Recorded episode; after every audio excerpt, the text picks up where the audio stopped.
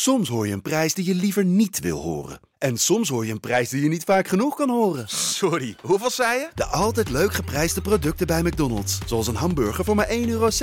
Of een chili chicken voor 1,95 euro.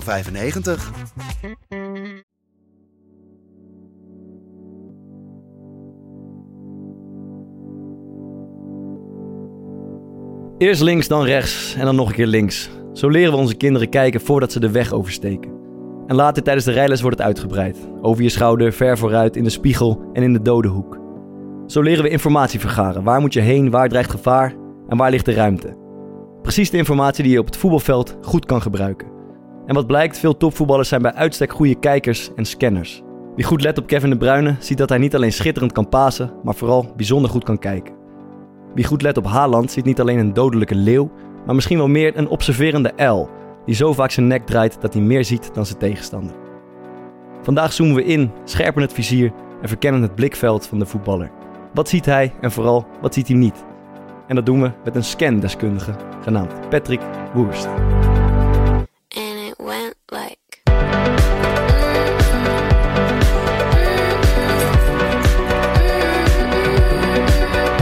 Wat zou Bart Vriend moeten kosten als hij deze zomer binnen de Eredivisie verkast?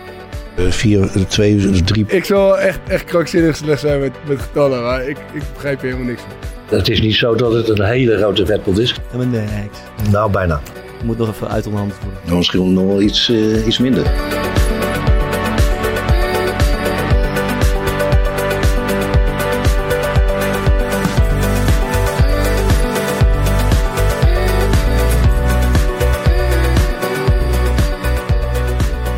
Scandeskundige. Mogen we jou scandeskundige noemen, Patrick? Als jij dat wil, ik, ik geef jou de vrijheid daarin. Hoe is dat? Zullen we gewoon zo aanspreken de rest van de dag?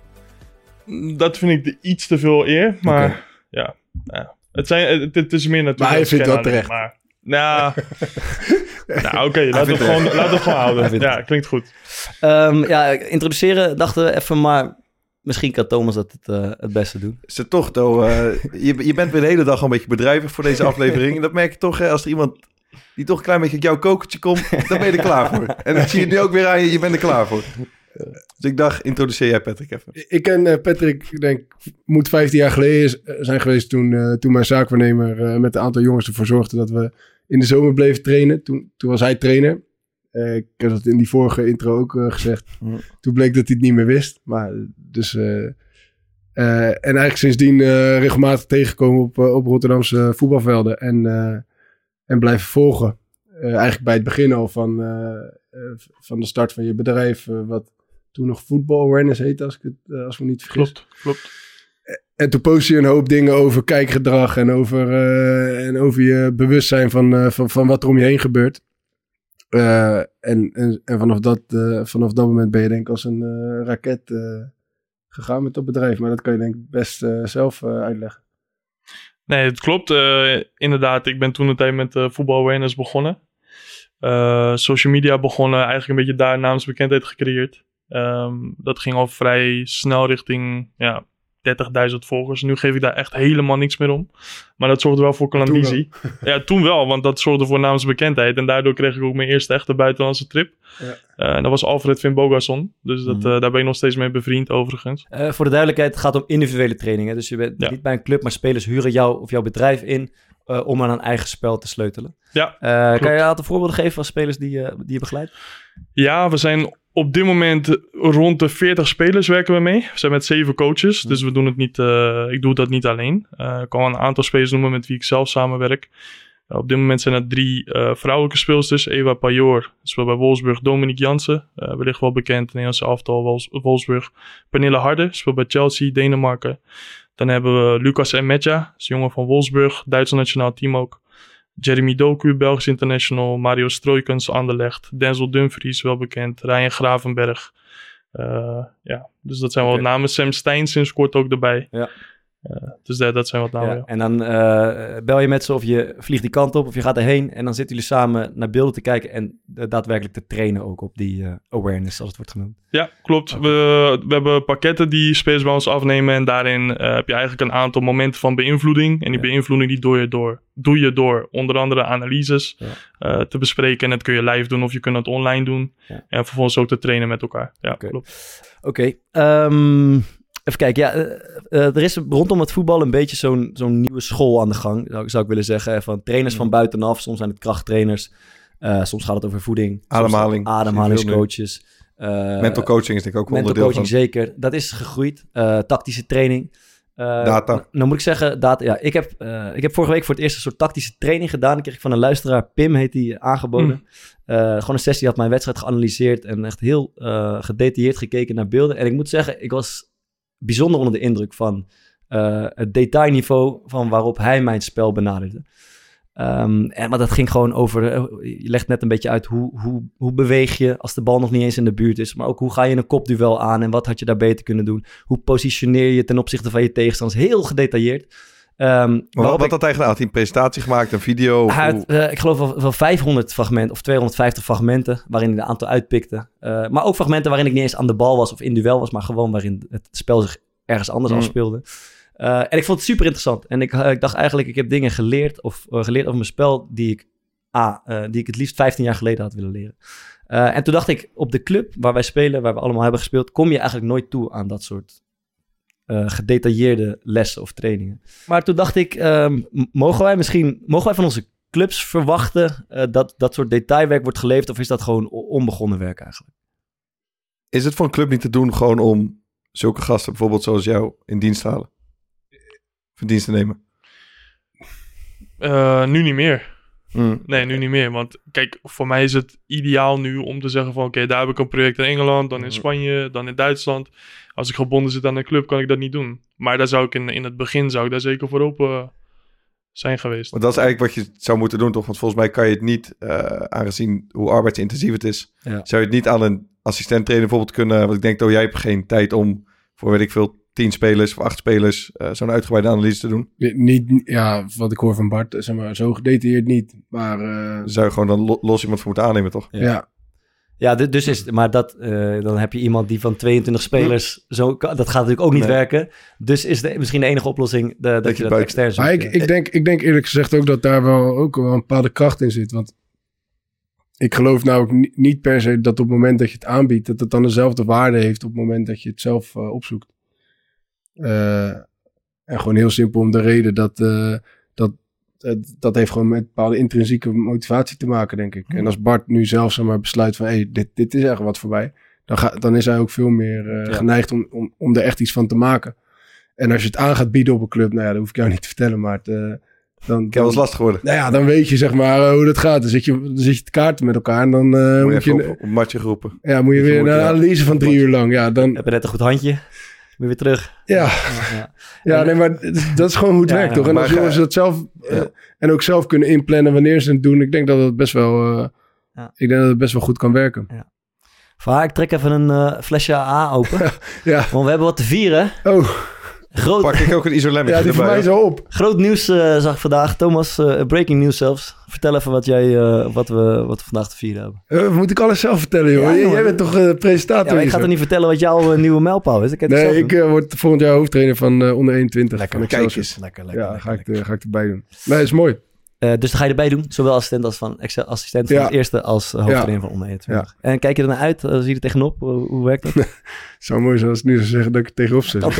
Nee, ik kijk heel erg naar uit. Het is echt, eh, ik denk dat het eh, goed is voor mij. Ik ben natuurlijk eh, nu voor het eerst eh soort van bijna fulltime in, als trainer zeg maar, bij. Excelsior. En, maar als assistent trainer. En, en dat is super leerzaam, want het is op een niveau waar de trainers die om me heen zitten in principe beter zijn dan Ja. ik. Dus daar kan ik gewoon veel van leren. Alleen ik denk dat het ook goed is om daarnaast zelf een beetje... Krijg je meer geld ook dan niet? benen-? Meer geld? Wat denk je? Ja, een beetje toch. Hè? Weet je wel. Grote takenpakket, meer verantwoordelijkheid.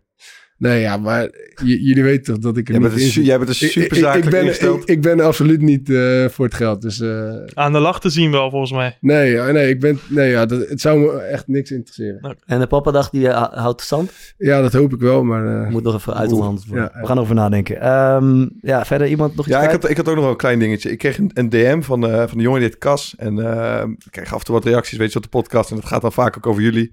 Eh, maar die is bezig met, een, eh, met zijn scriptie. En daar heeft hij een soort, eh het een hele technische gozer, maar heeft, hij- doet een onderzoek eh, waarmee hij de transferwaarde van spelers kan voorspellen. Dus heeft hij iets van 50 van die pijlers, eh, aantal wedstrijden wat je hebt gespeeld, kansen die je hebt gecreëerd. En dat is dan per positie, eh, is dat zeg maar verschillend. En nou, het voor- ik noem iets voor Liam van Gelder, zit volgens mij bij Groningen, is dat Groningen, jongen. Daar rolt dan iets uit. Nou, als hij weg moet of verwacht dat hij binnen een paar jaar, dan kost hij 8 ton. Maar daar had hij, omdat hij fan is van de podcast, had hij ook Bart Vriends eventjes door zijn ding gehaald. En dus vraag voor jou, Vaar, wat denk jij dat Bart Vriends volgens zijn... Hij zei zelf dat het tot 78% nauwkeurig was. Ik weet niet precies hoe hij daarbij kwam. Het Wat gaat om jij dat, transfersom die voor, mij betaald zou worden. wat zou Bart Vriends moeten kosten als hij deze zomer binnen de eredivisie verkast? tonnetje. Min 479.000 euro. Wat de fuck? Ja, Oké, dus je, moet bij, je moet flink bijleggen. ja, jij moet zelf, ja, de, de club moet ongeveer 480.000 euro bijleggen om van je af te komen. Wauw, dus dat, dat is mijn jaarsalaris, zeg maar. Ja, dat had vooral met je leeftijd te maken, zei hij. Maar eh Oké, oké. dat Leuk vond ik nog wel even delen waard. Oké, leuk man. Maar. Fok, even serieus. Hoe kan je nou een negatieve verwachte strafsom? Ja, dat is ongelooflijk. Had ik nooit de voldoende halen voor zijn voor scriptie, verwacht ik. nee. Ja, het model hangt een gewicht aan elke variabele en dan worden al Bart's statistieken ingevuld en vervolgens komt daar verwachte transfersom uit. Dus ik simuleer dat hij een transfer eh, in Nederland die hij dan gemaakt zou hebben in de zomer van 2023. Toen kwam dat bedrag eruit. Ik krijg nog wel eens een vraag van de buitenlandse club. Wat moet je kosten? Ik wou zeggen, als je krijgt 5 ton. Dat, wil ik, dat, dat was mijn volgende punt. Ik denk als je deze erbij zet, dat je Ja, min 480.000 Ik, euro eh, deel, kost. deel even dat artikel, dan ga ik er eh, ga ik er kan lukken. Misschien gaat het dan wel lukken. Ik denk dat het er eindelijk in ik, zit ik voor je zal buitenland deze echt zomer. krankzinnig slecht zijn met, met getallen, maar ik, ik begrijp er helemaal niks van. Nee, is lastig te volgen. Maar eh, hoe heet die? Kas, Kas. Kas. Ik, eh, ik, weet- ik, ik, ik ga, ik ga jullie in contact brengen. Ik weet dat het een hele goede zaakwaarnemer voor jou is. ik weet hem te vinden. Ik had eigenlijk voor iets kleins. Ik wil even iets, eh, iets proberen. We gaan het vandaag over scannen hebben. Eh, maar ik heb vorige week een nieuwe, een andere skill geleerd. Eh, we hadden een diner bij Sparta. En daar was Victor Mits. Zegt het jullie wat? Die kwam naar een presentatie doen. Illusionist. Heb je, Illus- to- heb je een tovertrucje? Die Ik ben groot fan van. Ehm, en hij heeft mij geleerd, eh, of ons geleerd, om, eh, om gedachten te lezen. eh, om jullie gedachten te lezen. Ik wou het toch even proeven op de zon nemen, jongens. Dus als, ik zou het waarderen als jullie even mee Zo, willen ik doen. vind het wel dapper, man. Want ik het is weet, niet makkelijk. jullie zijn vervelend publiek, tijd publiek. Als het, het, het zou ook fout kunnen gaan, Ik prima. ga Maar doe even je best om mee te doen. Ehm, ja, het komt van Hij moet wel echt zeker van zijn zaak zijn. Als Ja, dit... Het, is, eh, het komt in, in, in dit geval ging het in, in 70% van de gevallen lukt het ongeveer. Het gaat als volgt. Eh, ik wil even dat jullie een, de volgende twee sommen in gedachten nemen. Dat is eh 18 keer 4 en 11 keer 11. Beeld het je gewoon even in. Gewoon prent het even in je hoofd. Zie je het groot voor je, dus echt groot. Eh, doe je ogen even dicht of open. Eh, Hoe beter was die open. tweede? Eh, nog één keer. elf. 18 keer 4. Doe je ogen beter open trouwens. Je kan, moet gewoon even visualiseren. eh, visualiseren. 18 keer 4 en 11 keer 11. Eh, zie het groot voor je. Echt prent het, hamer het even in je geheugen. Ram het erin. Ehm, dus ja, dat, doe dat eventjes eh, voor, een, eh, voor een seconde of vijf. Ook die boys trouwens achter schermen zou leuk zijn om even mee te doen. Eh, en dan ga ik je nu vragen om aan een gereedschap te denken van een bepaalde kleur. En dan kijk ik even naar jullie allemaal. En het is mijn vermoeden dat een deel van jullie zeker aan een rode hamer zit te denken. Zwarte hamer had ik. Blauwe schroevendraaier. Godskeur, Thomas. Groene knap. Hier ook niemand? Ja, ik had wel hamer. Ik, er kwam dus direct een hamer in mijn hoofd. Oké, dat wel. ja, ik zie ja, hier zitten acht, twaalf mensen hier achter hebben aan, zitten aan een rode hamer te denken. Ja, oké, dat was het man. Dat was het man. Ja, het, is niet, het slaagt niet altijd. Het slaagt Ja, niet ik, altijd. er kwam Ik dus wel heel direct waren- hamer, moest ik aan denken. ik weet niet eh, eh, de- ik ga het ook niet uitleggen. Ik vond het leuk om te doen. Hij, hij, hij deed in een zaal van 400 man. Eh, ik zat ook aan een groene zaag te denken, geloof ik. Maar het, 80% van die zaal zat op dat moment aan een rode hamer te denken. Dat lag natuurlijk aan het feit, eh, aan het verhaal wat hij daarvoor vertelde. Eh, ik ga het trucje niet uitleggen. Ik ben zeer teleurgesteld in de uitkomst. Geen één rode hamer, maar ik vond, eh, ik ben Wel een hamertje. voor het, eh, voor het meedoen. Ik vond het wel heel dapper. Oké, To, waar zat je aan te denken, zei je? Groene knijptang. Ja, maar aan jullie heb ik ook niks. Dat is, eh, Maar dat was echt het eerste Ja, waar je aan dacht te Kom, kom door je shirt. Oké, ja, dat zijn de cues eh, waar je mee te maken hebt. Ja, want dan gaan we het eh, over scannen hebben, over kijkgedrag, over, over tijd en ruimte op het veld. Ehm, en ik, ik zat een beetje in te lezen en toen zag ik een quote van jou, dat, dat, dat zei, mijn handen jeuken als ik naar Virgil van Dijk kijk. Moet je hem uithalen. Je, wil- je wil iets. Je wil Nee, iets niet. Nee, vertel even waar je, waar je aan zit te denken als je Virgil van Dijk ziet spelen. Ja, de, de quote of de vraag was: eh, als je nou naar voetballers kijkt, was toen bij de NOS. eh, bij wie heb je dan zoiets van: ja, oké, daar zou ik nog echt graag mee aan de slag willen?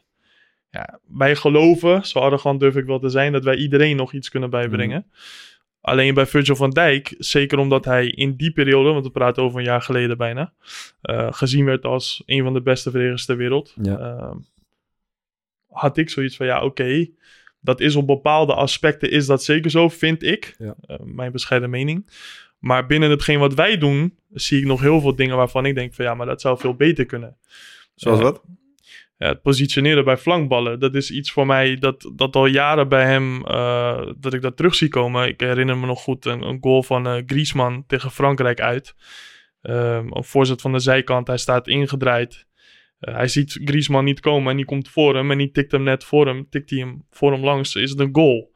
Eh, een week nadat ik dat dus bij de NOS zei, eh, waren ook twee momenten met Haaland, waarin hij hem gewoon in 30 seconden twee keer helemaal kwijt is. En ik vind het geen slechte speler, want ik moest daar wel om lachen dat ik kwam later thuis, ik, ik, ik zat daar die avond en ik kwam thuis en ik, ik ging op internet kijken en ik kreeg allemaal linkjes doorgestuurd en het ging alleen maar over die quote van Van Dijk. Mhm.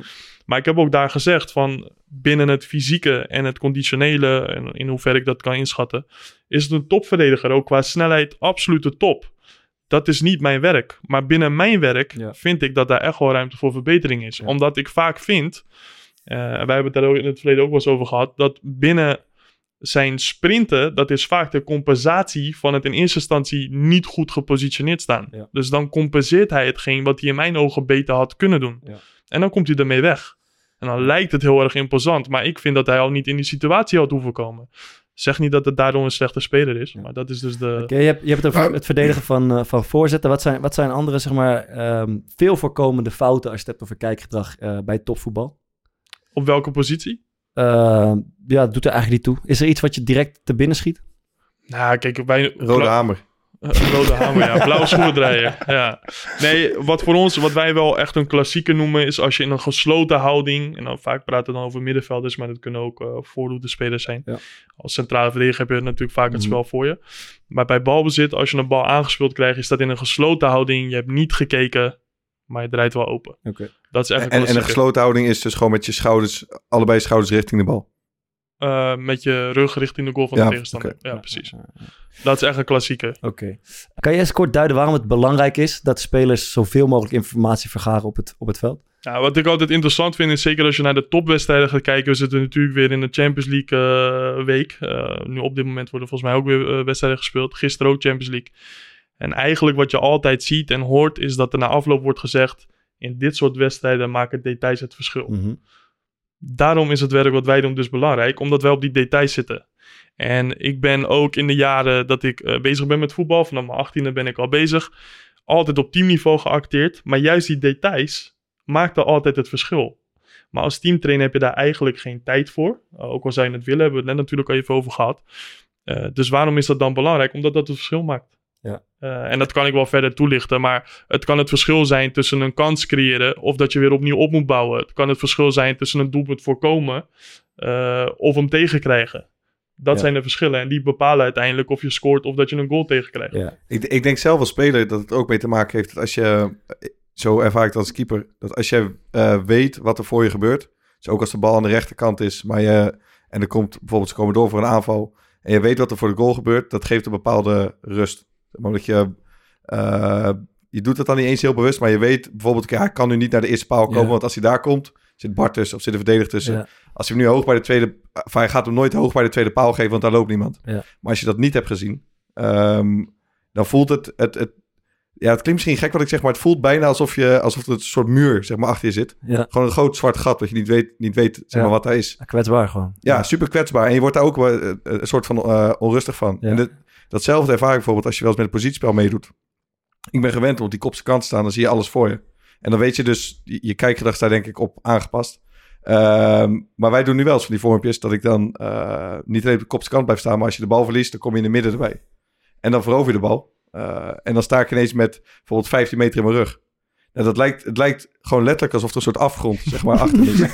Dat als je, je krijgt die bal is En ik, eh, op terugkomen wat Thomas net zei... ehm, zeg maar, ik probeer wel te kijken, maar ik zie eigenlijk helemaal niet wat er achter me is. Dat heeft in mijn geval dan vaak te maken met dat ik helemaal... Ik gewoon helemaal gesloten. Dus dan krijg je de bal en dan zegt iemand draai. En je gaat dan dus bijvoorbeeld open draaien. Je hebt geen idee wat je tegen gaat komen.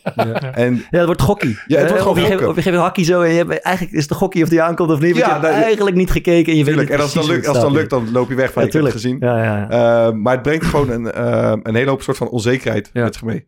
En wat je misschien nog meer voelt, dat als je het wel hebt gedaan... en je bent goed op de hoogte, dat je gewoon veel comfortabeler bijvoorbeeld aan de bal bent... of Ja. de keuze die je gaat maken. Ja, Ja, dat, is, dat is ook wat je vaak hoort vanuit spelers. Van ja, wat levert het op? Het levert uiteindelijk een soort van controle op. Je bent wat rustiger. Ja. Het is ook super lekker. Ik, ik refereer eventjes aan jouw positie. Wessel Dammers is trouwens ook een jongen waar ik al heel lang mee samenwerk. Maar op het moment dat hij dan eh, vanuit de opbouw een bal vanuit de linker centrale krijgt aangespeeld. En hij ziet die rechtsbuiten of die linksbuiten ziet die druk komen zetten. En in die eerste aanname is hij helemaal kwijt. En dan speelt hem tussen de linies Ja. door naar die rechtsback die dan vrijkomt. Ja. Ja. dat is zo'n lekker gevoel. Want hij heeft al zoiets van, ja, ik zie jou komen, vriend. Je hebt controle over de situatie. Ja, Ja, klopt. Ja. Snap je? Dus eh, dat is wat je heel vaak eh, te horen krijgt. Eh, je, je had het over drie pijlers die, die van belang zijn. Kan je, kan je die even delen? Wat, Ja. wat zijn het? Nou, het eerste is, waar we het net over hebben gehad, is in willekeurige volgorde. Mhm. Want uiteindelijk heeft alles raakvlakken met elkaar en heeft het met elkaar te maken. Maar het eerste is dus de ODA, hoe wij dat afgekort zeggen. Dus dat is puur het visuele waarnemen.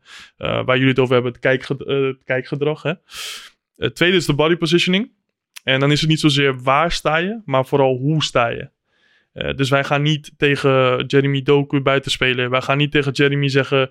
eh, jij moet nu naar binnen of jij moet nu naar buiten of Mhm. jij moet nu uitzakken. Nee, dat is, dat is spelprincipes, dat is hoofdcoach, dat zijn assistent-trainers bij de club.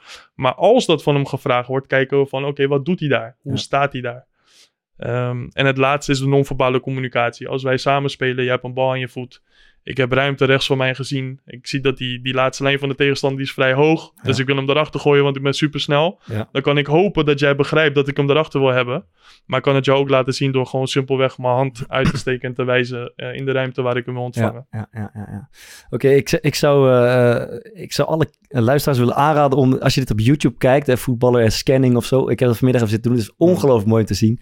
Eh, vooral dat je heel veel topspelers ziet die om de havenklap met hun, met hun hoofd draaien, rechts, links, rechts, links. Allemaal informatie vergaren in, eh, in het spel, op het veld. Eh, en daar dan ook, ja, je ziet dan Busquets en, en, en Thiago de meest prachtige dingen doen die voortkomen uit het feit dat ze zo goed gekeken hebben eh, naar hun omgeving. Dus je gaat eh, een beetje voetbal kijken als een spel van informatie in plaats van een spel van acties en schoten. Ik weet niet, ik vond het heel interessant om naar te kijken. Ehm, eh, wat wel leuk is om te doen, denk ik. we hebben toevallig hier een keeper, een verdediger en een aanvaller. Want het gaat ook over verschillende posities natuurlijk. Om eens te delen, ehm, wanneer heb je goed gekeken? En wanneer heb je slecht gekeken? Kan je daar een voorbeeld van geven? En hoe voelt dat? En wat gebeurt er dan? Laat ik bij Maarten beginnen bijvoorbeeld. Ehm, een voorbeeld van slecht kijken is iets... ehm, en ik, ik merk nu dus dat die me bij de amateurs best wel vaak overkomt. Ehm, wat voor een keeper heel lastig is, is... Bijvoorbeeld iemand komt schuin voor de goal. Een klein beetje in de 16, dribbelt hij richting de achterlijn. Ja. En een verdediger loopt, zeg maar, loopt hem af. Ja. Dus die komt in jouw gezichtsveld. Dan ben je eventjes de bal kwijt. Ehm, en dan kan je eigenlijk twee dingen doen. Je kan of heel geconcentreerd blijven, of ehm, en desnoods een beetje je positie aanpassen, zodat je de bal weer ziet. Ja. Of je hebt even een moment van, oké, ik zie de bal toch niet. En ik heb nu, wat vorige week nog twee keer gebeurd, dat dan eh, een jongen daarvan profiteert. Dus op het moment dat je de bal kwijt bent, ehm, ben ik helemaal uit spanning. Zie ik niks en schuift hij hem in de lange hoek. Ja. Waardoor ik eigenlijk, ik zie de bal op een gegeven moment komen. Op het moment dat je eh soort van in je hoofd, kan de bal niet komen. Mhm. Waardoor je gewoon niet meer kan reageren. eh, en hij vliegt gelijk in. Ja. Ehm, heeft ook te maken trouwens met de body positioning, waar, waar het net over ging. En een moment van wel goed kijken, dat heeft vooral te maken... Ik denk dat dat voor veel keepers het, het, eigenlijk het allermoeilijkste is, is... ehm, je bent gewoon heel erg gewend om dingen centraal te doen. Dus wat ik net ook zei, met als je aan die kopse kant staat, je ziet gewoon het hele veld voor je. En dat wordt anders wanneer de ballen van de zijkant komen. Dus er komt bijvoorbeeld, eh, er is een counter. Ze komen over eh, jouw rechterkant door. En je bent gewoon aan het balwatchen. Dus je bent de hele tijd de Ja. bal aan het volgen. En, en opeens denk je, tering, die bal gaat zo voor de goal komen. Dus Ja. ik moet weten eh, hoe dat staat. En als jij dan zeg maar goed tijd, bijvoorbeeld iemand tikt de bal een stuk voor zich uit. Dus je weet, oké, hij kan hem nu niet eh, gaan geven. Dus het is veilig. Je kijkt over je schouder. eh, je ziet eerst paal zit dicht. Tweede paal ligt wel ruimte. Kan je bijvoorbeeld een stapje schuin naar achter doen. Waardoor je of een bal eruit haalt. of het is de enige bal die hij kan geven. Waardoor je hem heel makkelijk kan plukken. Terwijl als je dat niet doet. ehm, kan je achteraf het gevoel hebben van, kut, zo, ik had hem misschien moeten plukken. Maar ik kom er niet bij. En dat komt dan gewoon omdat je op je lijn blijft staan. Ehm, dus dat, dat zijn persoonlijk de twee dingen, zeg maar de situatie waar ik het vaakst in kom. Ja. Ehm, en waarvan ik mezelf erop betrap van, kut, hier had ik of beter kunnen kijken of iets Ja. anders kunnen doen. Ja. Of juist, dit heb ik eigenlijk best wel goed. Ik heb wel best wel geregeld dat ik zo'n bal van de zijkant pluk. En dat ik dan denk, oké, dit ziet er heel simpel uit, maar dat, heb ik, dat komt gewoon eigenlijk omdat ik dit, Omdat je goed gekeken ja, omdat ik het zelf zeg maar goed heb voorbereid. Oké, cool. Eh, centrale verdediger, ik, eh, ik kan één concrete situatie herinneren, is denk ik al tien jaar geleden. PSV uit, Eh wij hebben een vrije trap, ik ben centrale verdediger. Onze linksback speelt mij gewoon over de breedte aan. Ik sta een beetje zo schuin ingedraaid. Normaal gesproken zet de spits en de nummer 10 of de nummer 10 druk, dus die kan ik zien. Maar ik neem de bal aan, ik heb geen idee, ik heb niet in mijn rug gekeken, dat de linksbuiten van PSV, Memphis Depay was dat, eh, druk komt zetten in mijn rug, snoept mij de bal af, dribbelt op de goal af, omspeelt de keeper, komt gelukkig via de zijkant uit dat ik kan terugsprinten naar de goal en de bal net van de lijn kan halen. Maar het was een vrije trap van ons, niks aan de hand. Eh, ik vergeet gewoon te kijken over mijn rug heen. Ik ga ervan uit, eh, daar, daar gebeurt niks. En dodelijke situatie. Die ziet er knullig uit ook, hè? Het ziet er vreselijk uit, ja. En dan, denk je, en dan en ben je eigenlijk nog boos op die back. Van, waar, waar- waarom speel je me aan? Je ziet al dat ik onder druk word gezet. Maar eh, een kwestie van kijken. Al heb je al gekeken, ehm, ja, dan kan je het oplossen. Dan neem je, neem je anders aan of wat dan ook. Eh, situatie die heel vaak voorkomt, waarin ik het eh, soms niet goed doe, maar soms ook wel goed doe. Eh, laatste verdedigende situatie. Wij staan een beetje als een hoge lijn. De back van de tegenstander dribbelt in. Je natuur is, ik kijk naar de bal. Hè. Ik ben een balwatcher. Je kijkt naar wat de bal gaat doen. Maar daardoor vergeet je dat de linksbuiten in jouw rug een diep, diepteloopactie is gaan maken.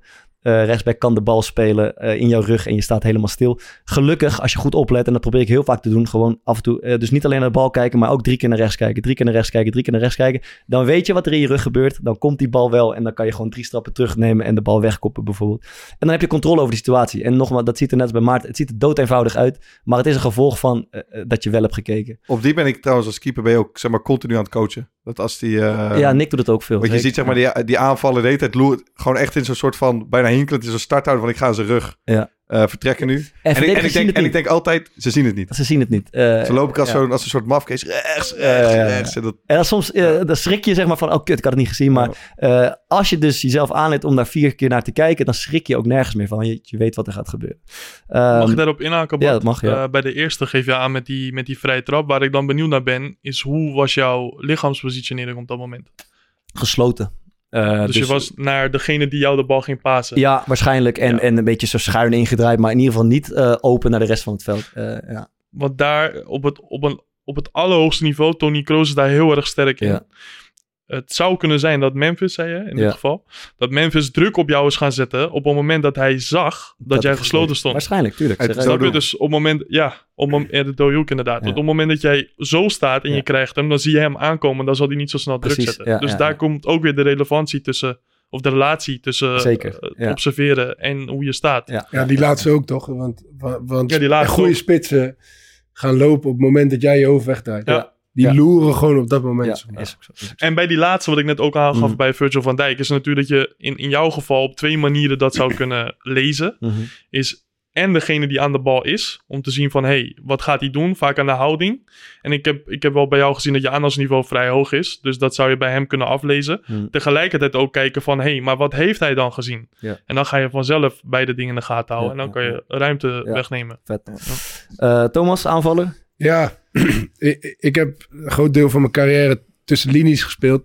Ja. Eh, dus, dus ik denk dat je dan sowieso wel heel erg bewust moet zijn van, eh, van, van wat er om je heen gebeurt, welk, waar je tegenstanders staan eh, en, en hoe je de bal kan krijgen.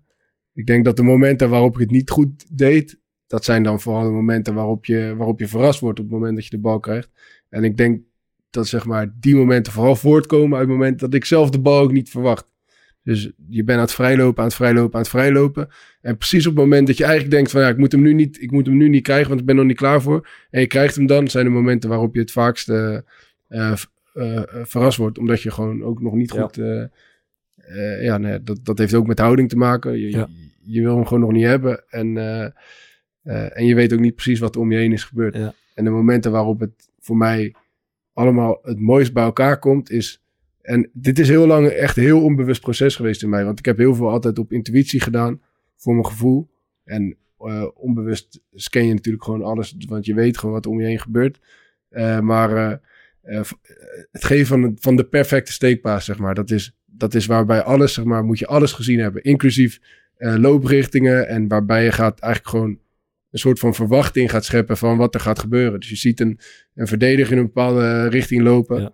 Eh, je ziet een aanvaller in een bepaalde richting lopen. En je gaat de bal eh, op dat moment soms zelfs echt met belachelijk lage snelheid geven op, eh, op precies het moment dat, dat je denkt dat de verdediger hem niet meer kan hebben en de aanvaller op dat moment eerder is. Ja. En, dat, en dat maakt voor mij voetbal Ja. Het, het allermooiste. En dat gebeurde bijvoorbeeld ook, waar daar hebben we het toen met Denzel ook over gehad, dat waren wat minder steekpases. Maar dat was wel, zeg maar, ik voel en ik wist dat hij in mijn rug kwam en dat, en dat liet hij vaak ook horen. Eh, maar ik, ik wist ook dat als ik zeg maar, de bal eigenlijk gewoon bijna panklaar stilleg op, op de plek waar de verdediger er net niet bij kan, dan hoeft hij hem alleen maar eh, goed mee te nemen. Ehm, je had het over Denzel. Even ter illustratie een heel mooi eh, en interessant fragment. Ehm, eh, voor de luisteraars, die kunnen dit niet zien. Het gaat over het doelpunt van Denzel tegen, de, tegen Amerika, tegen de Verenigde Staten. Eh, op het eh, afgelopen WK. Maar het gaat niet om Denzel, maar het gaat om de, het gedrag van de zes verdedigers van Verenigde Staten. Eh, de bal komt links in beeld bij Daley Blind, die heel hoog op het veld staat. En die dreigt hem te gaan voorgeven. En Nederland staat met ongeveer vier man zometeen in, in de 16 meter. En Amerika staat met zes man in de 16 meter. En Denzel, voor mensen herinneren die zich, zich die goal vast, die staat helemaal achterin in beeld om de bal te vragen. Laten we heel veel naar het fragment kijken, het is wel mooi om te zien. Vis terug naar Blind of een andere optie. Via Frenkie de Jong. Blind voorzet. Is een hele fraaie. Het zal er niet. Ja, het is niet te geloven. Denzel Dumfries. Je het fragment, dus Daley Blind gaat de voorzet geven. Denzel, die, de, iedereen is gefixeerd op de bal. Denzel komt achter in de 16, in de 16 en hij staat zes seconden met zijn hand in de lucht. Wijd, en je weet hoe Denzel is, explosief, wijd in de lucht, hoog in de lucht.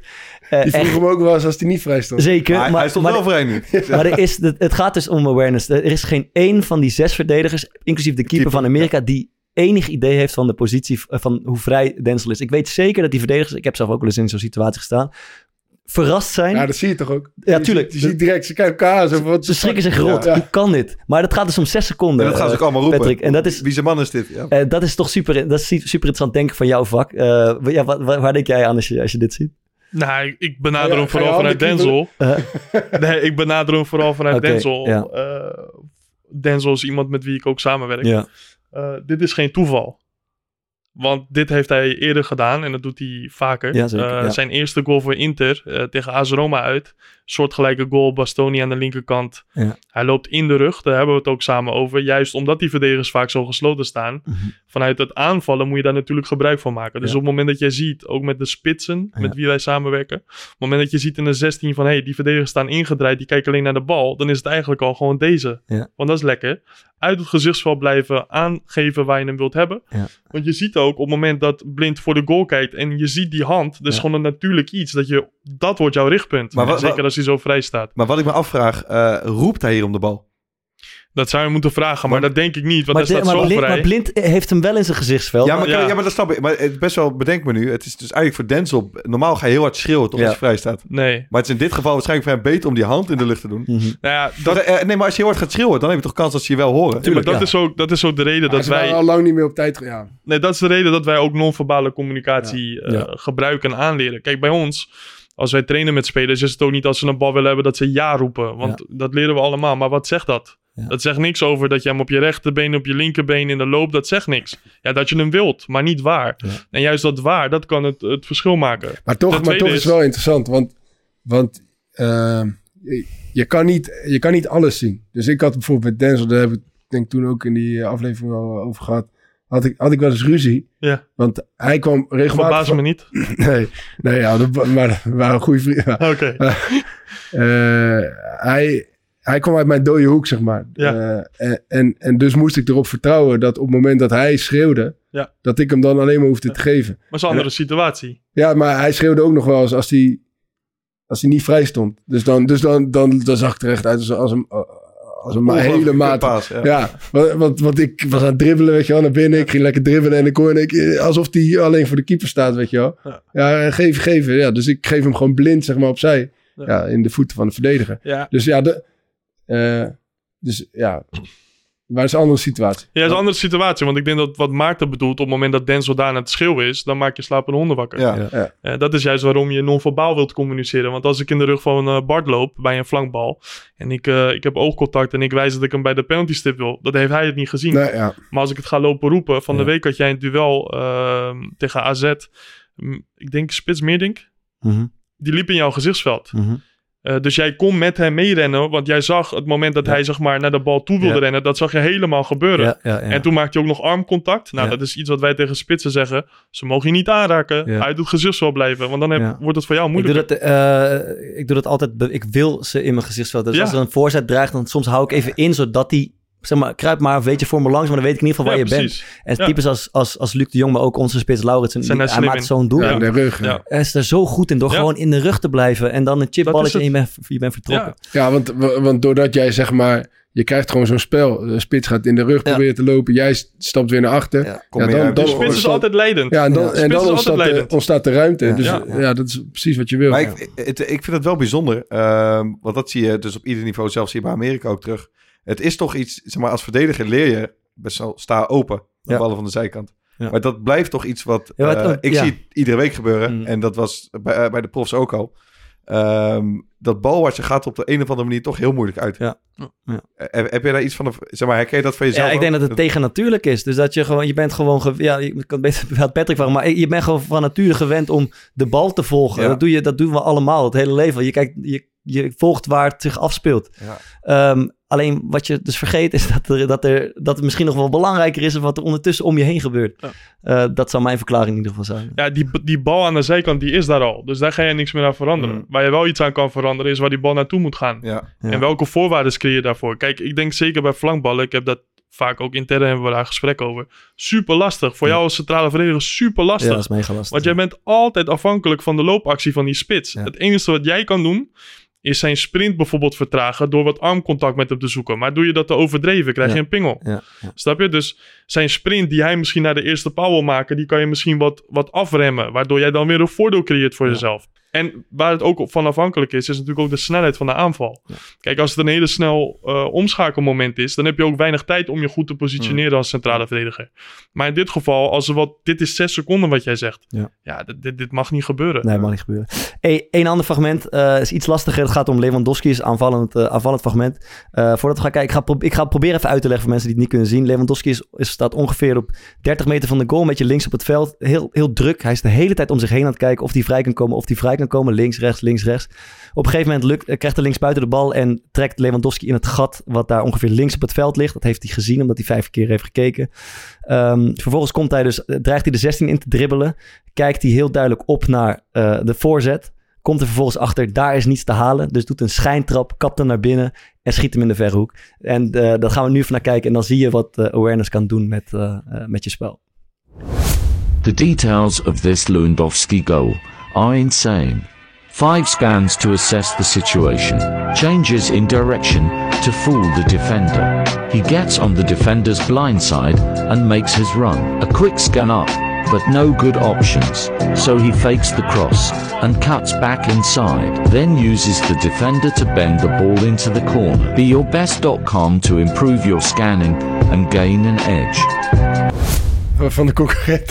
Nee, nee, nee, zeker. Nou, het, dus- het internet staat vol met dit soort schitterende filmpjes. Ja. Eh, geniet jij hier net zo van als, als ik? Ja, nee, tuurlijk, 100%. En wat, wat wel leuk is, Be Your Best, dat is misschien een eh, leuk bruggetje. Eh Guy Jordet, dat is een eh, Ja. professor Ja, in perceptie. Ja. Ja, dat is een, eh, ik mag wel zeggen, een vriend van mij geworden in de loop der jaren. Ja. Waar we ook, ja, elke maand hebben we meetings. En dan praten we ook gewoon over dit soort situaties. Voor de duidelijkheid, hij is En een, is een, Noor- een, eh, Noorse wetenschapper die Ja. zich heel erg heeft verdiept in het, eh, in het kijkgedrag van Ja. spelers. Ja. Ja, heeft heel lang samengewerkt ook met Arsene Wenger bij Arsenal. Geeft heel veel lezing ook. Dus die is meer vanuit de theoretische kant. Die, die man, Jordet heet hij van zijn achternaam geloof ik, die, die heeft zich nogal verdiept in het, ook in scanfrequentie van spelers. Ja, Eh, en eh, hij vond een sterke relatie tussen de scanfrequentie, dus hoe vaak een speler kijkt, en het aantal voorwaartse passes. Dat Ja. vind ik ook al per definitie interessant. Dus dat- je leert, ziet vooral dat middenvelders scannen het meest van alle spelers op het veld. Eh, en zeker degene die het meeste scannen, weten ook het, voren. meet- het meeste de bal vooruit te verplaatsen. Dus dat Ja, is eh, in En eh, wa- wat ik me dan afvraag als ik dit zie, zeg maar, hoe, hoe bewust is eh, Lewandowski nou bezig met Hmm. kijken? Want je, want het, het lijkt echt alsof het een soort van van tevoren bedacht is. Van hey, daar nog een keer kijken, daar nog een keer kijken. Eh, hij lijkt echt zwaar in controle. Maar het kan natuurlijk ook gewoon zijn dat het gewoon... Automatisch piloot. Ja, gewoon, gewoon gedrag is, zeg maar, wat die... eh, in, in hoeverre, zeg maar, is dit aangeleerd en in hoeverre is dit natuurlijk, wat hij, wat hij doet. Ehm, ik denk dat je bij elke speler, en dat is ook het voordeel van, van het werk wat wij doen, wij zijn natuurlijk in contact met de spelers. Maar je moet je eerst afvragen van als zo'n speler kijkt, wat wil hij dan zien? Ja. Eh, het gaat eerst om de voorwaarden. Want als hij sowieso niet kijkt, dat is natuurlijk hetgeen wat wij doen. Als Ja. hij sowieso niet kijkt, wanneer kijkt hij, hoe vaak kijkt hij, hoe snel kijkt hij. Is je hoofdbeweging, is dat heel snel of is dat heel langzaam? Dat kan je, kan je ook weer tijd opleveren. Dus al dat soort dingen proberen wij, zeg maar, eh, aan, eh, daar proberen wij aan te werken. Alleen de vraag is, op het moment dat de speler kijkt, wat wil die speler zien? En in mijn optiek, hoe ik nu dit clipje zie, is dat Lewandowski vooral bezig is met ruimtes. Ja. Uh, maar het kan ook zo zijn dat uh, andere spelers alleen maar naar medespelers op zoek zijn. Ja. Uh, wij zeggen altijd van als je kijkt, wat wil je dan zien? Dat zijn drie dingen. Je wilt medespelers zien, je wilt tegenstanders zien en je wilt ruimte zien. Ja. Maar in welke volgorde of waar een speler als eerst naar kijkt, dat hangt echt per persoon hangt dat, uh, hangt dat uh, Ja. af. Ja, Bij Bart heb ik ook tegen AZ gezien. Je kijkt naar korte-lange oriëntatie. Is Bart iemand die vooral kort georiënteerd is? Of is dat iemand die lang georiënteerd is? En dat zijn allemaal dingen die meetellen. Wat was, hoe was hij georiënteerd? Nou, zijn korte Kort oriëntatie, daar had hij het minst balverlies. En een paar keren dat hij hem uh, tussen de linies wilde spelen over een wat langere afstand, dat ging niet helemaal goed. Mhm. Uh, maar hij, dat ziet hij dan wel. Alleen de uitvoering is dan minder. Maar ik kijk vooral, ziet hij dat? Mhm. Ja, hij, hij heeft dat wel gezien. Ook een dieptebal in de hoek die hij gaf. Mhm. Werd net onderschept. Maar het feit dat hij dat ziet is al iets. Um, misschien een mooi voorbeeld. Per Schuurs heb ik ook een tijdje mee samengewerkt. Toen hij bij Fortuna speelde, was het in de Jupiler League toen de tijd nog. Nou, Jupiler League voetbal hoef ik jullie niet uit te leggen. Er was heel veel middenveld overslaan. Ja, dus dat was de hele tijd, en heeft een goede trap. Mm. De hele tijd contra trappen. Maar toen ging hij naar Ajax. Eh, toen werkte ik ook al met Ryan. Dus die speelde samen in Jong Ajax. Ja, bij Ajax hoef je niet het middenveld over te slaan. Dan moet je juist het middenveld inspelen. Ryan die kwam hem dan vaak ophalen. Maar die kreeg hem vaak niet. Omdat Per in eerste instantie diep aan het kijken was. En dan kunnen we er met z'n allen van uitgaan dat Per dat wel eventjes doet. Uh, maar wie zegt dat hij dat gelijk in zijn systeem heeft? En natuurlijk, nu is het, uh, ik vind het echt een prima verdediger. Ik vind het ook zonde dat hij weg is. Uh, maar dat heeft hij dus ja. allebei. Ik ga, je, eh, ik, ik, ga je vragen om een paar eh, uitblinkers, internationale uitblinkers in, uh, in scannen. Um, maar ik weet uh, dat uit onderzoek dat Xavi daar de absolute winnaar van is, de uh, oudspeler van Barcelona. En die heeft een scanfrequentie van 8,3 in de laatste 10 seconden voordat hij de bal ontvangt. Dat heeft ook deze Noorse wetenschapper ontdekt. Um, en wij hebben eerder een podcast opgenomen met Andries Jonker. Um, de, de, dat gaan we heel veel luisteren naar wat hij hier over, over Xavi te zeggen heeft. Wat bij hem ongelooflijk was, was de, de waarneming op het veld. Ik ben een keer uh, in Spanje thuisgekomen. Uit mijn auto gestapt. En we zijn een tuin met van die uh, terracotta tegels. In die tuin gaan staan. En mijn hoofd heel snel gaan draaien. Ik kom mijn vrouw naar buiten. Ben jij nou ja. Dus ik ben mijn hoofd aan het draaien. Zie je toch? ik zou lachen. Ja, wat ben je nou doen? Ik zeg, ik heb uh, op de training geteld hoe snel Xavi ja. zijn hoofd draait. Ja. En dan ben ik aan het kijken. Wat ik kan zien. Wat ik kan zien. Ja. Ze zegt, en? Ik zeg dan, uh, het, het wordt wazig. Ik kan het niet zien. Ik kan niet zo snel mijn hoofd draaien en dan goed blijven zien wat er aan de hand is. Ik kan niet op het moment dat jij uh, dit, dit clipje laat zien, wat ik echt een fantastisch moment ja. vond, want ik heb ook uh, een paar keer terug zitten luisteren. Um, kan ik er niet aan voorbij gaan dat Xavi voor mij echt de grootste inspiratie is geweest voor hetgeen wat wij nu dagelijks doen. Hij is echt de inspiratiebron voor mij geweest.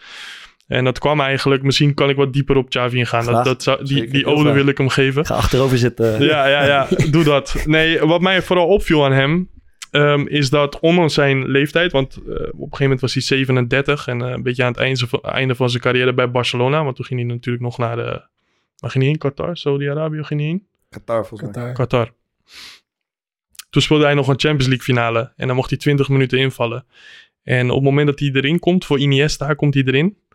En het eerste wat hij doet, hij begint tegelijk om zich heen te kijken. En ik ben, ik ben naar hem gaan kijken, omdat mij viel het op, zeker in de tiki-taka tijd met Pep Guardiola. Natuurlijk fantastisch. Ik denk een van de mooiste wedstrijden die we dat seizoen met z'n allen hebben gezien. Er waren heel veel goede spelers, maar die blonken ergens in uit. En bij hem vroeg me altijd af van, wat maakt hem nou zo goed? En toen ben ik eigenlijk een aantal wedstrijden alleen maar naar hem gaan kijken. En eigenlijk wat hij continu zag, was dat hij dus om zich heen aan het kijken was. En op het moment dat hij daadwerkelijk een keuze moest maken, kwam hij daardoor niet in de problemen. En dat heeft me geïnspireerd. Dus dan ben ik gaan kijken van, oké, wanneer doet hij dat? Hoe vaak doet hij dat? Waar doet hij dat? Hoe staat hij? Wat betekent dit voor zijn keuzes? En dat is de basis geweest. Wat bij hem namelijk heel erg interessant is, want wij hebben het wel in die zin doorontwikkeld. Ik vraag me heel erg af of hij dit aangeleerd heeft. Ik heb ooit een, eh, een eh, filmpje van Johan Cruijff en Touzani gezien, waarin ze dit ook met eh Xavi bes- eh, besproken. Of bespraken, sorry. Anders gaat hij grapjes maken op bespraken. Ik heb Normaal een zijn paar- degene die ik, de ik, heb, fout in ik heb een paar laten wegkomen. maar ik herstelde op tijd, hè? Ja, ik herstelde, oké, top. Je was Eh, bewust. Ja, ik was er heel erg bewust. Ehm, maar wat bij hem vooral interessant is, zij noemde hem La Calculadora. Hmm. Dus de rekenmachine. En wat hij doet, en dan ga ik iets meer in de structuur zitten die wij aanhouden. Wat hij doet, is hij, hoe wij dat noemen, checkt in advance. En wat wij bedoelen met check in advance, is de bal is nog niet direct onderweg naar jou toe. Maar je bent je alvast aan het observeren, aan het oriënteren van... hey, stel je nou voor dat ik hem nu krijg, wat is dan de situatie? En eigenlijk was die frequentie daarin, daarom verbaast me deze cijfers ook niet... die was daarin zo hoog dat hij continu aan het berekenen was. Als hij 10 meter links van hem zag dat daar een tegenstander was... en die balsnelheid was dusdanig dat hij ging rekenen van... hé, hey, maar deze is nu zo snel... Dus die 10 meter kan hij nooit overbrugd hebben, overbrugd hebben in die... Zeg ik dat goed? Overbrugd hebben in die tijd. Ik kan draaien, dan deed hij dat. Ja. Terwijl wij juist heel belangrijk vinden... dat het moment dat de bal daadwerkelijk naar jou onderweg is... en die, die bal heeft een richting, hoogte, snelheid... die moet je inschatten... om dan nog een keer zeker te weten... dat hetgeen wat jij drie seconden daarvoor hebt gezien... Ja. of dat nog steeds de situatie is. Ja. En dat maakte hem zo bijzonder. Dus in onze structuur deed hij dat niet... Maar hij beheerste die in advance dusdanig dat hij daar continu mee wegkwam. Ja, ja, ja, ja. En dat is super indrukwekkend. ja vet. Ja, en hij kon ook wel eh, aardig uitvoeren natuurlijk met zijn voet. Ja, eh, binnenkant voet, buitenkant voet, alles vanuit beweging. Voetjes. Daar ging het bij mij ook wel eens mis. Dat ik precies wist wie waar stond. En ook het bal verkeerd. Dat Ja, voor je wat, mij, wat mij verbaasde net trouwens, want ik zat aan een moment van jou te denken, die blijft mij bij. Ik ken één moment van jou. Eh, weet niet of dat iets zegt over jouw carrière, maar de stift die jij maakte tegen Fortuna. Ja. Daar, daar dacht ik gelijk aan dat, jij, eh, dat je die Ja, als wel goed voorbeeld Ja. ja. ja, omdat eigenlijk wat jij net zegt, dat, dat hij dat heel goed beheerste. Dat op het moment dat hij een keuze moest gaan maken voor de goal, koos hij voor de stift. En ik was juist benieuwd op basis waarvan deed hij dat. Kan je die nog terughalen? Ja, kan ik zeker terug. Ja. Ik kijk iedere, iedere dag. Nee, ik heb geen idee. Echt geen idee. Nou, bedankt. Ja. Nee, ja, maar het is gewoon dat, dat, dat gaat zeg maar. eh, je, ik, weet, ik weet een beetje wat te doen. Ik neem de bal aan en die bal ligt goed, zeg maar. Dus ja, ik heb door mijn aanname koop ik tijd. Eh, en daardoor eh, kan ik uitstellen. En eh, mijn eerste gedachte is gewoon eh, naar hem in de hoek die vrijkomt. Maar ja, op een of andere manier zou ik wel hebben gericht. Het keeper was ook niet al te groot, moet ik zeggen. Is dat Kaya? ja. Ja. Eh, Maar en, en dan op het allerlaatste moment besluit ik, ja, maar eh, stift. Welk, welk fragment uit de carrière van Maarten staat je nog bij? Ik ga even isolemmen doen om deze pijn te verzachten. want- Ja, nou, ik, heb- ik ben wel op zoek gegaan naar beelden. Maar Wisecoat heb je er ook afgegooid inmiddels. Ja, dat geloof ik, ja. Ik heb een contributie niet betaald daar, dus dan ga je van die harde schijf af, denk ik. Nee. Maar ik kom een keertje bij Stedoco kijken. Ja, dat lijkt me goed. Dan ga ik, goed. ga ik achter je Dan sta ik staan. de hele tijd te scannen daar. Ja. Heb ik gelijk door dat je er staat, hoor. Want die 15 man langs de lijn, die kan ik ook nog wel scannen. Ja. Eh, eh, even kijken. Andere uitblinkers wil je weten. Nee, nee, iets anders. eh, Thomas, ehm, ja, jij, wil iets kwijt, jij wil iets kwijt over zeg maar, spe- spelers die eh, de bal opvangen, maar dan van de bal worden gelopen en dan boos Ja, worden. ja. en dan boos worden op de media. Ik word niet gecoacht. Ik, ik, ik heb het ook een keer gezegd, denk ik. Jij hebt volgens mij... Heb jij bij Studio Voetbal of zo, Studio Sport dat niet gezegd? Ja, dat is het Klopt, mooiste. ja. En, en, ik, en ik hoor het wekelijks nu ik weer bij VOC speel. Dat als je hem iemand de bal geeft en... eh, en die draait dan open en die draait dan per ongeluk eh, de markt al in op, op zaterdagmiddag. en die had het even niet gezien. En dat hij dan zegt, ja, coach me dan. Ja, die is lekker. hè? Ja, die is mooi. Ja, wat klassieker. Even Ik weet nog kijken. een keer een moment met, eh met uh, Lasse Schöne was dat. Eh, bij Ajax was uh, Scheuder was assistent. En je hoorde gewoon dat ze tegen Pek Zwolle uit. Ja. En hij kreeg twee keer die bal ingespeeld. Maar hij draait niet open. Maar hij was een zee van ruimte. En op een gegeven moment hoor je Scheuder van de kant roepen... Draaien! Godverdomme! Excuus voor mijn taalgebruik. De bal Ja. tegen vloeken. Nadat ze... bij Maarten zijn geweest. Nadat ze bij John de Wolf zijn geweest, komen ze nu voor Ja, dus misschien moet je dit eruit knippen.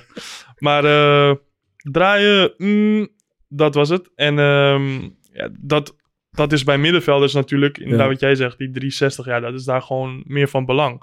Bij spitsen ehm, is het natuurlijk ook heel erg belangrijk hoe jij je positioneert. Eh, Ronaldo, eh, de Braziliaanse Ronaldo, die heb ik wel eens geanalyseerd. Wat hij heel vaak deed, was zeg maar vanuit de as uitzakken, maar schuin uitzakken. Mhm. Waardoor hij altijd een hoek kreeg ten opzichte van zijn centrale verdedigers en de bal. Ja. Ja, dat is voor jou ook dodelijk. Als Ja. je ziet dat iemand jou frontaal gaat opzoeken, dan ga je niet instappen. Maar op het moment dat je ziet dat hij gesloten uitstapt, dan ga je vaak volgen. Ja. Eh, dus, dus daar kun je met je body positioning weer wat dingetjes Ja, doen natuurlijk. Ehm, timing van de scan. Hè, wanneer kijk je? Is daar iets zinnigs over te zeggen? Is er een moment waarin het goed is? Een moment waarin het slecht is? Kan je daar iets, iets over kwijt? Nou, ja, daar kan ik wel iets over kwijt. Kijk, ik denk in balbezit dat op het moment dat jij ziet dat iemand van jouw team aan de bal is, dat op het moment dat hij de bal raakt, Mhm. dus dat je ziet dat hij hem niet kan gaan spelen, dat zou voor jou een ideaal moment zijn om even van de bal weg te kijken. Op het moment dat hij hem spel klaar heeft, waar Thomas het net eerder over had, hij verwachtte hem dan niet. Waarschijnlijk was hij daar dan misschien niet bewust mee bezig of zijn frequentie was niet hoog genoeg, weet ik niet. Ehm, Ik denk dat. dan moet je hem verwachten. Eh, en dan moet je ook klaar zijn. En uiteindelijk word je ook, je kunt ook dusdanig comfortabel worden dat, dat het niet meer uitmaakt. Kijk, als jouw frequentie dusdanig hoog is en ook de snelheid waarin je hoofd beweegt Ja. dusdanig, dan is het gewoon elke keer hup, bal, hup, bal. Je ziet hem de hele tijd. En op een gegeven moment leer je hem wel inschatten. Kan je, kan je verder voorbeelden geven hoe je, eh, hoe je dit kan trainen, kan ontwikkelen als speler? Ja, wat, kijk, wat wij doen is in eerste instantie op het moment dat wij een samenwerking aangaan met een speler, dan kijken we minimaal vijf wedstrijden terug in de laatste zes maanden van die speler voordat ze met ons gaan samenwerken. Op basis van die analyse eh, komen daar punten uit, de goede punten, de minder goede punten. We zijn op zoek naar patronen eh, en die verwerken we in een video. Daar halen we ook eigen data uit, dus eigen gegenereerde data. Eh, op dat moment ga je dat bespreken met die speler waarvan wij denken van hey, op deze onderdelen zouden we jou kunnen helpen. Eh, dus dan kom je samen tot een plan en vervolgens ga je dat trainbaar maken. Dus die hele specifieke momenten waar iemand moeite mee heeft. Stel je voor, jij hebt moeite met het inschatten van hoge, lange ballen. Dat, dat zie ik ook heel vaak bij verdedigers. Ik kan me nog een moment van jou herinneren. eh, tegen Groningen. Dat jij met een medespeler eh, hoofd tegen hoofd Ja, kwam. ja. En dat is omdat jullie allebei gewoon totaal geen oog voor elkaar hebben gehad. Maar alleen voor de bal. Ja. Tijdens een strijd. Weet niet of je Ja, ja weet. Tante Rigo, die eh, is nooit meer opgestaan. Ja. Nee, maar dat, kijk, dat soort dingen, als dat Ik vaker terugkomt. Ja. dat is een matig momentje hoor. Ja. Ga verder. Ja, Ja. maar die hebben we ook gebruikt eh, op social media volgens mij.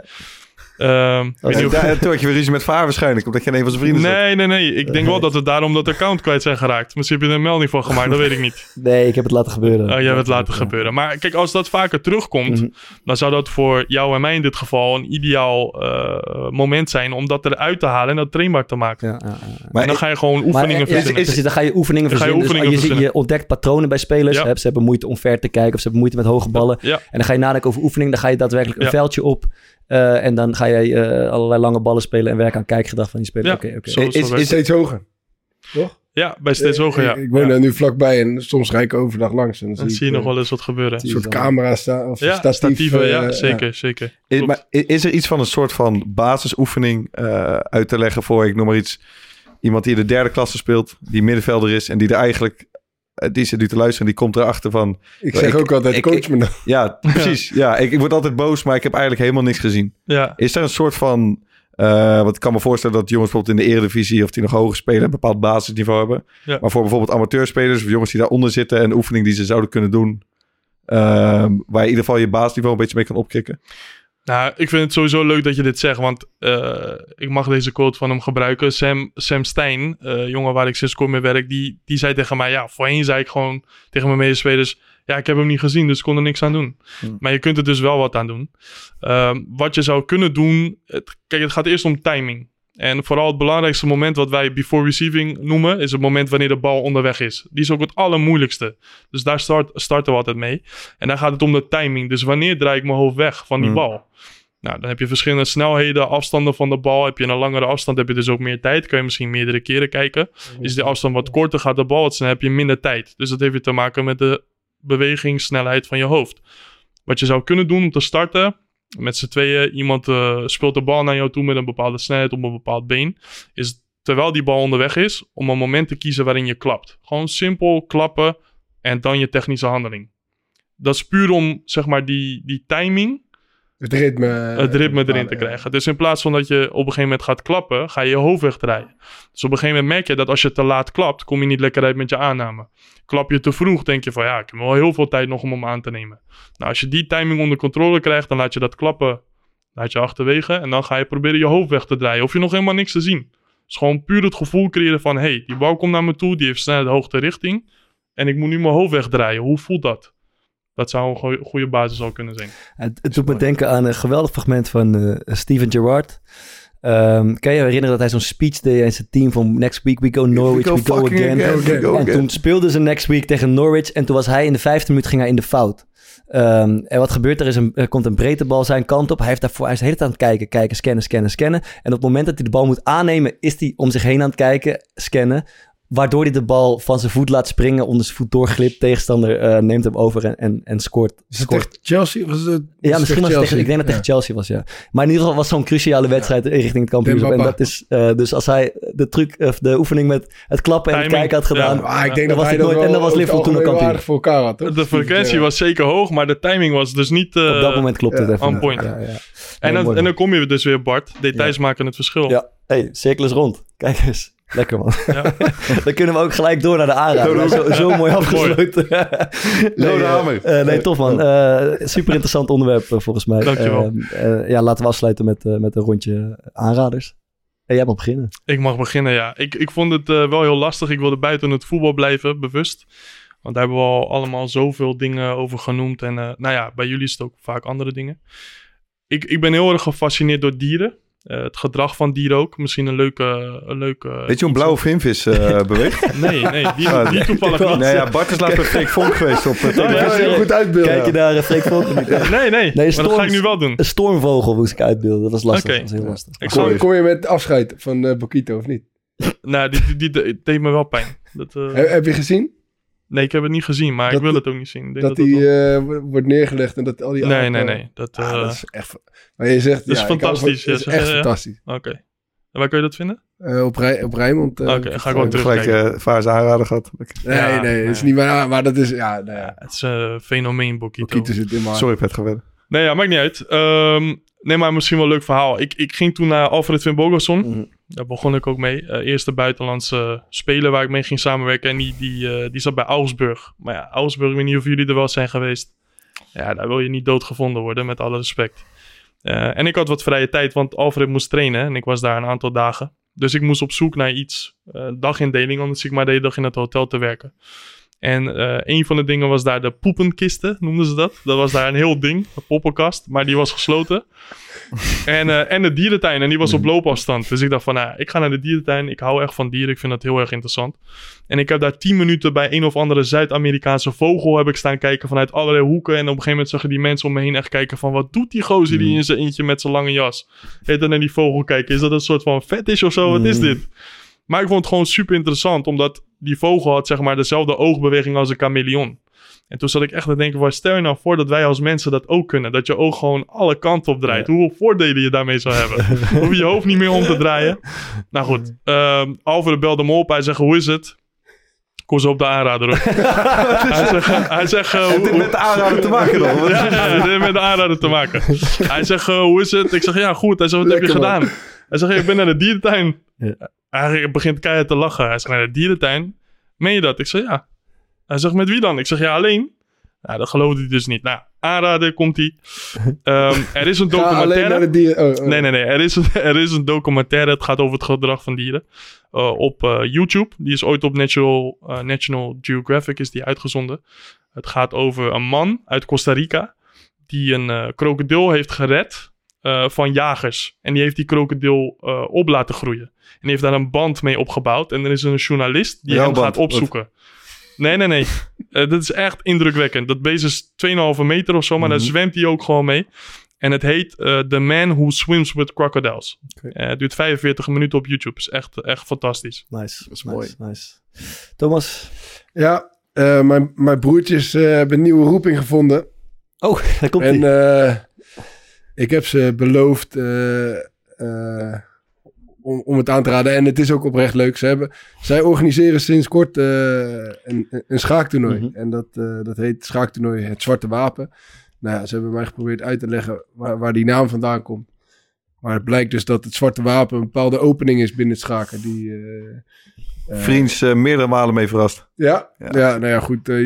jullie, jullie hebben je wel ontwikkeld het afgelopen Klopt. jaar en, en ik niet. Dus ik heb zelf besloten om niet mee te doen. Maar dit keer wordt het, eh, wordt het georganiseerd in Kino in Rotterdam, in bioscoop. En dat is echt, eh, echt eh, een fucking leuke plek.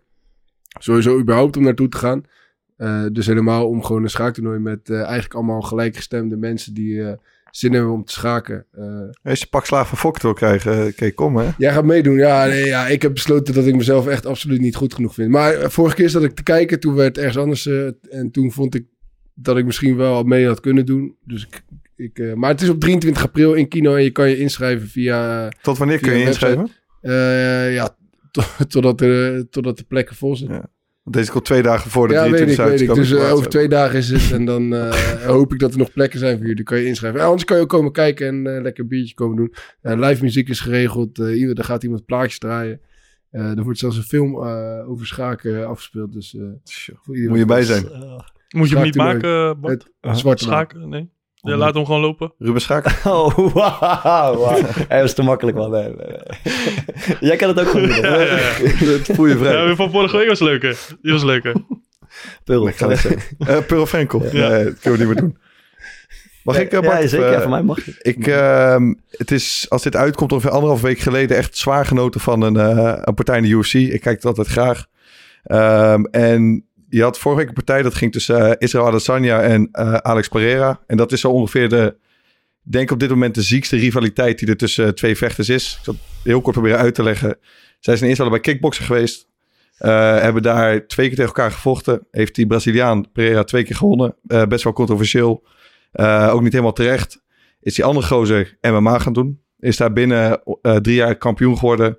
Altijd een beetje elkaars vijandig gebleven.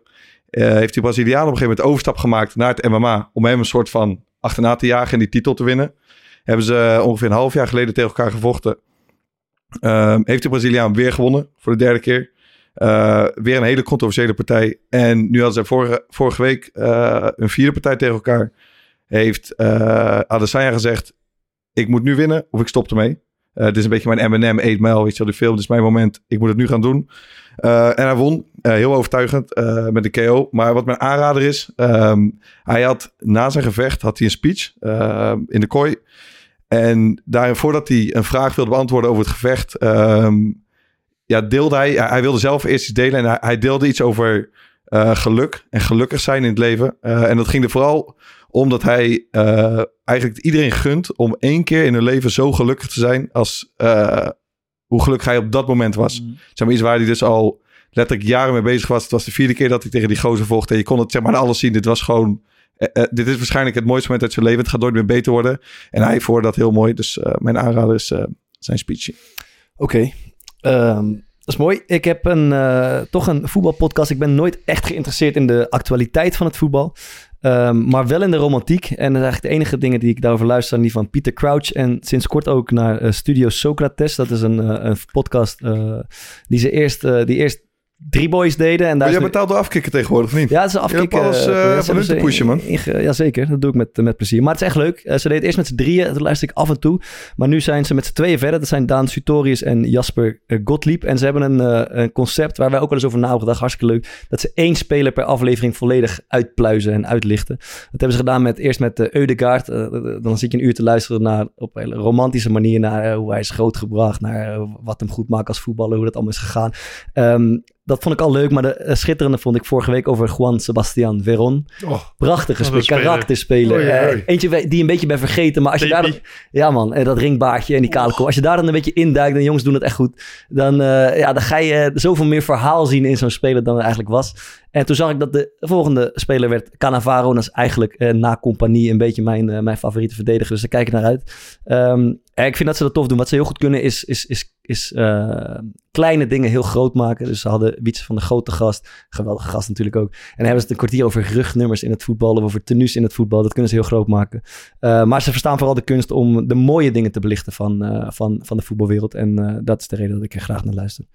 En eh, het is een afkikkerproductie, ook dat nog. Ik hoop dat ze een keer eh El Jardinero gaan doen. Ongetwijfeld eh, gaat hij voorbij komen. En we sluiten af met een liedje, daar, daar moest je ook even van nadenken, Patrick. Maar eh, nu is het toch de tijd Ja. om ons te vertellen waar we, gaan, waar we naar gaan luisteren. Ja, ik, ben, eh, ik moest er inderdaad lang over nadenken. Heel veel goede, goede nummers op de wereld. Maar eh, ik ben net anderhalve week terug uit eh, New York. En daar wilde ik graag een, een ode aan geven. Alicia Keys, Jay-Z. Daar is die. Empire State of Mind. Oké, man. Ehm, staat genoteerd. Thanks voor je komst. Graag gedaan. Vond het leuk. Ehm, Neem lekker je Zolemmen mee naar huis. Succes eh, met je bedrijf. Je mag het nog even noemen. Hoe, eh, toch even, hoe heet het? Vantage. Vantage. Vantage, ja. Eh, eh, en en eh, nou ja, we gaan kijken hoe het zich ontwikkelt. Thanks voor je komst. En eh, tot de volgende keer. Tabé. Later. Yeah, yeah, I'm out at Brooklyn. Now I'm down in Tribeca, right next to the Narrow. But I'll be hood forever. I'm the new Sinatra. And since I made it here, I can make it anywhere. Yeah, they love me everywhere. I used to cop in Harlem. All of my Dominicanos right there up on Broadway. Pulled me back to that McDonald's. Took it to my stash spot, 560 State Street. Catch me in the kitchen like the Simmons whipping pastry. Cruising down A Street, off white Lexus. Driving so slow, but BK is from Texas. Me, I'm out that bed stop, home of that boy Biggie. Now I live on Billboard, and I brought my boys with me. Say what up to Tata, still sipping my top. Sitting courtside, Knicks and Nets give me high five. I be spiked out, I could trip a referee. Tell by my attitude that I most definitely from.